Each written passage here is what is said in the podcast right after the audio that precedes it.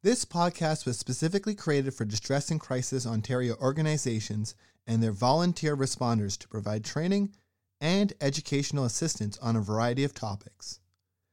As information evolves and changes, these podcasts are meant to offer ongoing support with the goal of updating them on an ongoing basis.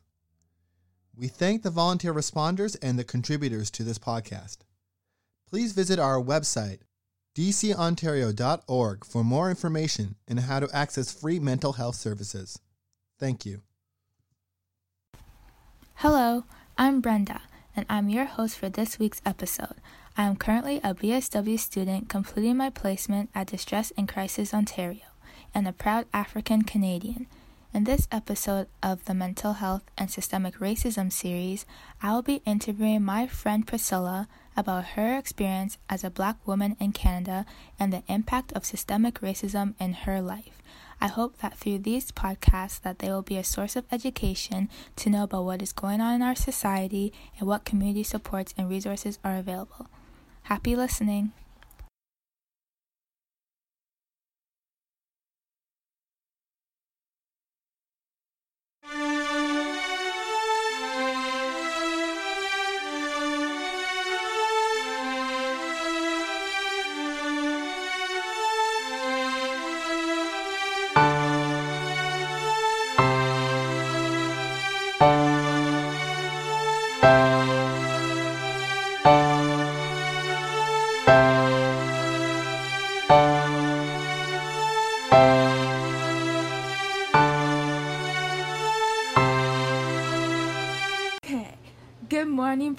And welcome to today's podcast. Thank you so much for taking time out of your day to come and chat with me. So, could you please tell us about yourself and your social location? Yeah, of course. Thank you, Brenda. Um, so I am Priscilla, as Brenda mentioned, and um, I am a Ghanaian woman. I grew up in Ghana for several years and um, moved to Canada for school. Um, I'm currently a student doing my Master's of Social Work, uh, but I initially came for kinesiology, so I'm very passionate about fitness and movement, but also community building, and have worked um, as a community development worker and advocate um, for a number of years. Awesome. Thanks for introducing yourself. So, uh, what is your general take on mental health and systemic racism that you want to share? Uh, I think that from um, my experience, mental health is an extremely stigmatized issue, Mhm. um, and especially in racialized community, uh, there's a lot of work that people have done. Um, so we're not as uh, we're not, we're we're a lot farther off now than we used to be. Uh, but even when I think about back home in Ghana, there are not a lot of conversations about what uh, the different ways that mental health presents itself. And um, there's always this stigma, and people are thrown out of their homes and, and things like that because of uh, mental health issues and the way that it presents. Um, I remember recently I saw a tweet where that said uh, that black women don't often recognize that they're sh- struggling with depression or anxiety, Mhm. uh, so they think they're failing. Oh. And I think that that's like a big, that's such a great representation of like how um, systemic racism has affected our, our mental health, that it's so ingrained in um, how things work that as a racialized person, sometimes you just you just don't see it. You think that you're falling short of what you're supposed to do, um, and I've been thinking a lot about how to kind of reclaim that and how to um, take care of yourself and take care of your mental health, um, like as a form of social justice, Mhm. um, and recognizing that in doing that, you're you're actually you're fighting back, like you're going against um, what the system is expecting you to do. Mhm. Um, I also heard someone talk about uh, this idea of self care as a form of social justice, and um, even looking at the history of um, how some of these these self care jobs have like perpetrated themselves. So like you often see racialized people of offering self care. Mm-hmm. So, like, think about Asian nail salons or um, like black women taking care of, of white women's kids mm-hmm. um, so that they could do their job and so that they could work, like all of those things. And it's that whole idea that self care is not for um, people of color and and so that's that's kind of the system that we're we grow up in. That's what the history is, and so it affects um, it affects us now. Mm-hmm. And it's realizing that that's that way that system systemic racism plays out. It's not just uh, like individual attitudes. It's really about how society works. Mm-hmm. Yeah, thank you so much for shedding light on that. Uh, have you noticed the impact of systemic racism on the community that you work with, and how has COVID played a role?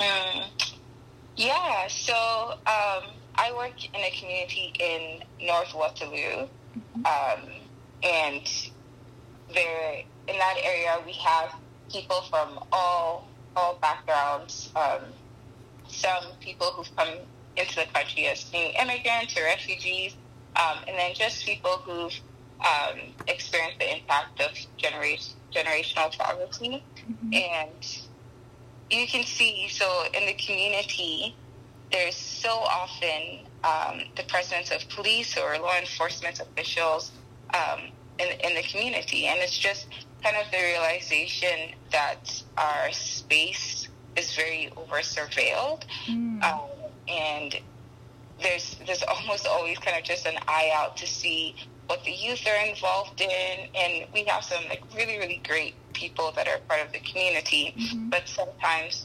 Um, we lose sight of that, or uh, they're they're just seen as like a community that causes trouble, or that um, place where trouble can be found. And um, it's really disheartening to to see that happen because mm-hmm. you know that there's so many people that are working very, very hard to overcome some of those stigmas. Yeah. Um, one of our moms recently went back to school. Uh, she um, doesn't have her high school degree, but went back, um, worked really hard, and is now attending Conestoga College. And she talks about how she has she has five kids and is a single mom, and so is taking care of her kids and has had um, a lot of struggles through that. Um, one of her kids actually um, has had some trouble with law enforcement, and it's just like there's so much resilience that that woman shows.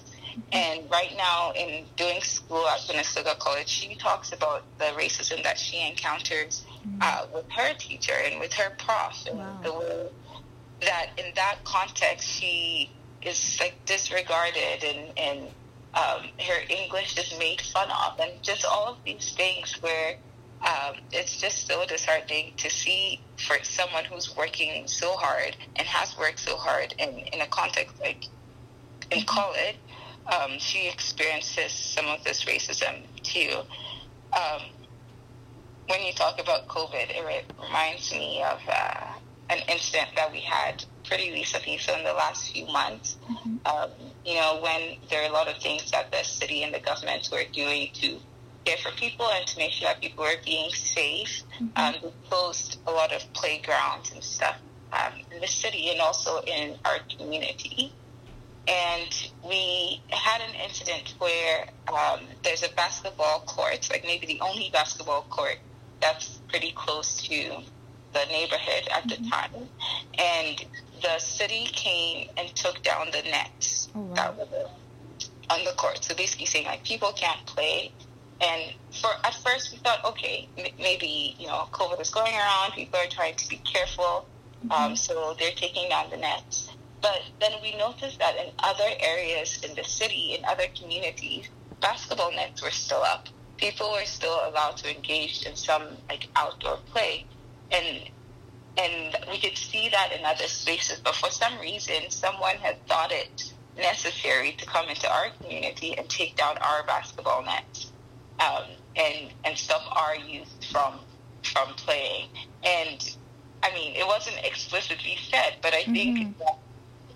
That, things like that just like I cannot not think of or like associate that with someone uh, being racist towards our community or um, or not recognizing or like intentionally seeing our demographic and saying, okay, these people uh, shouldn't have this or shouldn't have this kind of opportunity. And. I don't know if somebody was thinking about it or not, but it just you realize how we our community really gets impacted mm-hmm. uh, by decisions like that. Um, so fortunately, people were able to rally around. People signed uh, some petitions and, and brought people together, and we advocated for the nets to be put back in. Mm-hmm. Um, but you see some of these things, and you can't like you have to recognize it for what it is. Um, it is um, some of our systemic racist racism issues at play, mm-hmm. um, and our community is trying really hard to to work against that. Wow, thank you for sharing that story. It's stories like these that I believe the community needs to learn more about because a lot of people don't know about it. And it's mm-hmm. also important to notice these things happening because if you just thought, oh, it's just a basketball net, it, there's not much about it, but you saw that there's probably some form of racism attached to it. So I liked how like you guys all got together and were able to fight against it, and you're able to bring a change so that it brings light and awareness to it to like make sure you really look deeper at things because some things are not always just face value but to look yeah. deeper and to fight for what you believe is your right to have. So thank yeah. you so much for sharing that. Yeah exactly and yeah so you i from what you've already said you've shared a story but uh, could you illuminate or share another story or example of how systemic racism has affected your mental health and how did you cope through the experience? Mm. Oh, that's a good question. Um, yeah, so I, as I've mentioned, I work I work in community development and um, with people. So in a job that's already um, very exhausting, mm-hmm. um, you encounter on a daily basis um, the struggles that people have, and sometimes it's it's really hard not to take it on mm-hmm. personally.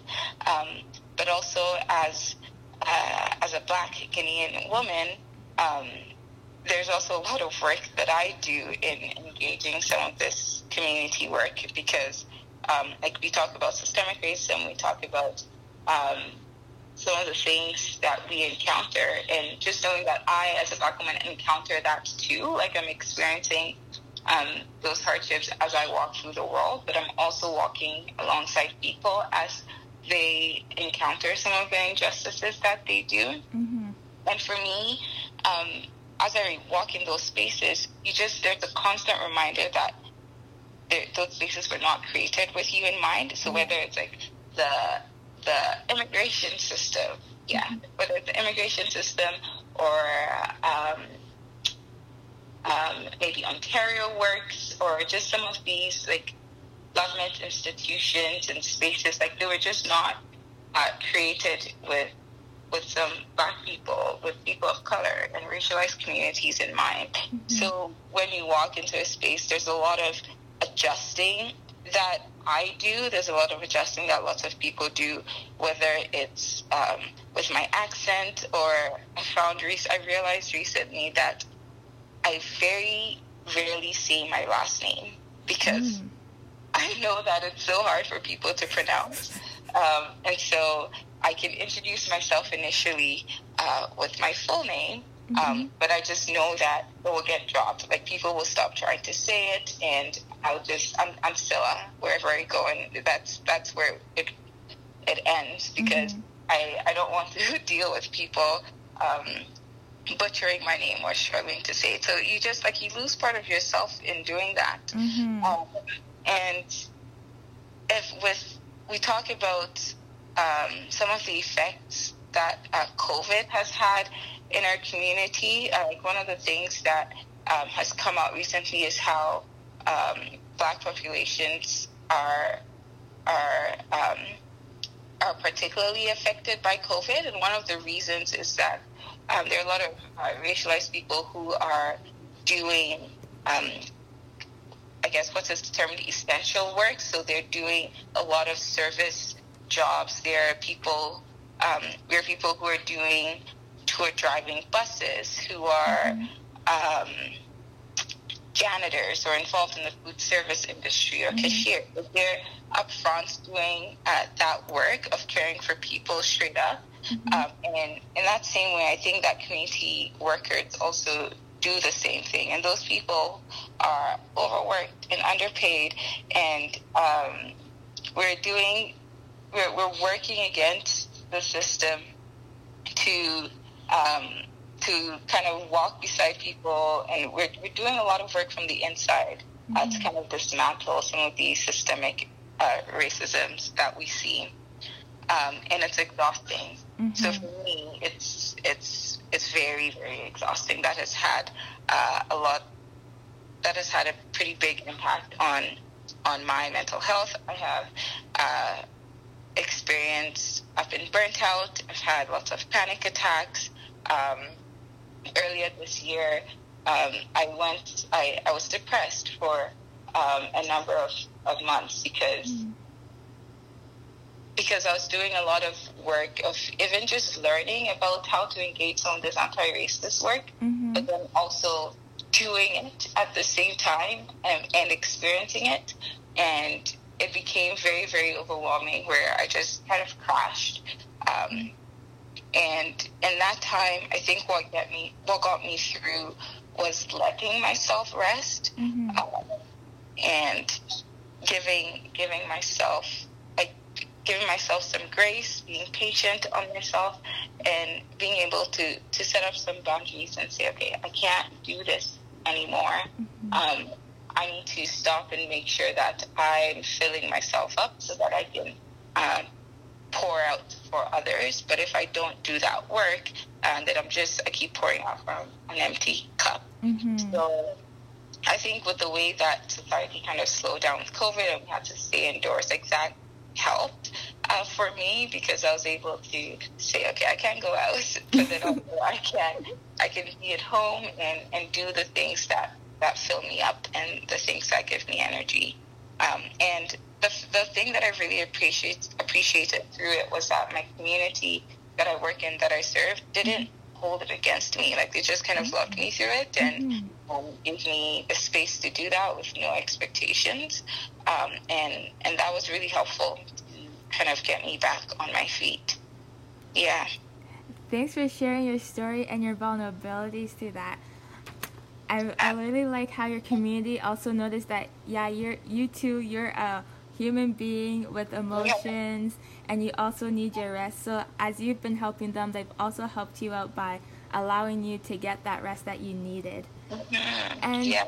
do you have any self-care advice for community workers yeah um, find the people and the spaces and boundaries and those things that you do that really give you rest and, mm-hmm. and your soul. Um, think that we have the tendency to really romanticize burnout mm-hmm. and, and uh, you know juggling multiple things at the same time and being so busy. And I think part of that is because like it feels good, right? We're doing um, very important work, walking alongside people, and when people feel helped and supported, that's very affirming. Mm-hmm. Um, but like again, you can't do that. You can't keep doing that work well and with um, intention if you keep burning out. Yeah. Um, so like find those things and really defend them like your life depends on it because it really does. Um, mm-hmm. so if it's if it's creating um, some boundaries, putting in place some boundaries um, around like when you work and, and when you take some time for yourself, um, or or um, you know finding some friends or people that uh, you can do things that you love with, uh, take a hike or um, things like that. Just very intentional um, activities that fill you up and that don't exhaust you. Yeah. Thanks for sharing your self care advice. I know a lot of people will gain a, a lot of knowledge from that. yeah. And before you mentioned that you were a Master of Social Work student, so what do you plan on doing with the knowledge you gained from the program concerning systemic racism? Yeah. Um, so I'm in my first year at, Mhm. uh, at Laurier, and uh, there's a lot that you're learning at once. I think that in our first year, there's this strong reminder of all the problems there are in the world, and Mhm. that can be overwhelming. Mhm. Um, but I think one thing that has really interested me in doing this is uh, understanding how um, how policy and how like impacting um, the policy and this, the laws that kind of govern and, and move things forward, Mhm. um, how they impact people on the ground, um, and getting more of a knowledge of that so that you can influence the system from the inside out. Mhm. Um, for me, um, I've worked, I've done a lot of work on the ground for a number of years, and there are a lot of times where you feel very helpless and uh, feel like you're just kind of moving people along without making big change. Mhm. Um, and so I hope that, um, like with my degree, whether it's it's building connections or uh, building an understanding of of how things work, a better understanding of how things work, um, we as like social workers can feel a bit more empowered and mobilized to uh, make some just happen. Mhm.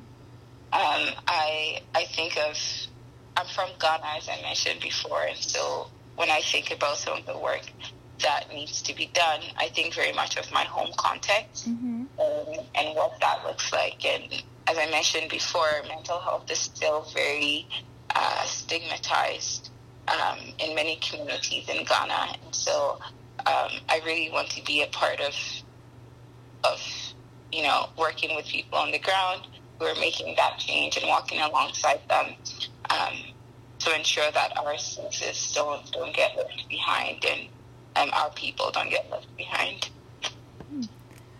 Thank you for sharing that. I know you're going to do awesome with, with all the endeavors that you plan to do in the future. I'm gonna try. Is there anything else you would like to add that we did not touch on?